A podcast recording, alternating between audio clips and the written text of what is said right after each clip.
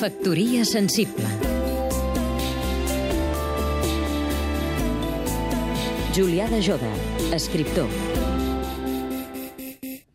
Acaba de sortir al carrer El català de la Manxa, un llibre de Santiago Rosinyol publicat per primer cop el 1914. Un obrer de Sant Andreu que fuig de la repressió arran de la Setmana Tràgica és acollit per un company de brega que regenta un cafè en un poblet de la Manxa anomenat Cantalafuente.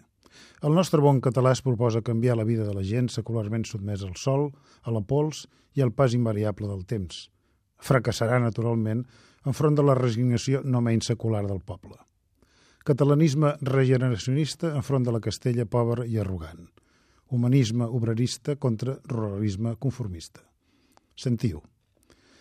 Tenia tipus d'obrer però escollit, d'obrer de junta, d'obrer català fitxat, dels que van deixant la marca del dit gros a les oficines, dels que se'n diuen intel·lectuals. Era alt, era magre i usat, i amb l'impuls amb què es bellugava se li endevinava energia i a la manera d'estrènyer els llavis un temperament de revolta.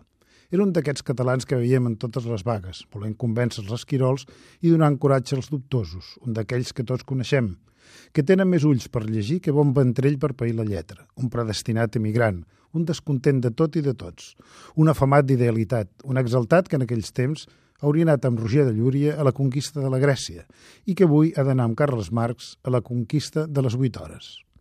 Cent anys acabats de fer, que es diu aviat. Factoria sensible Seguim-nos també a catradio.cat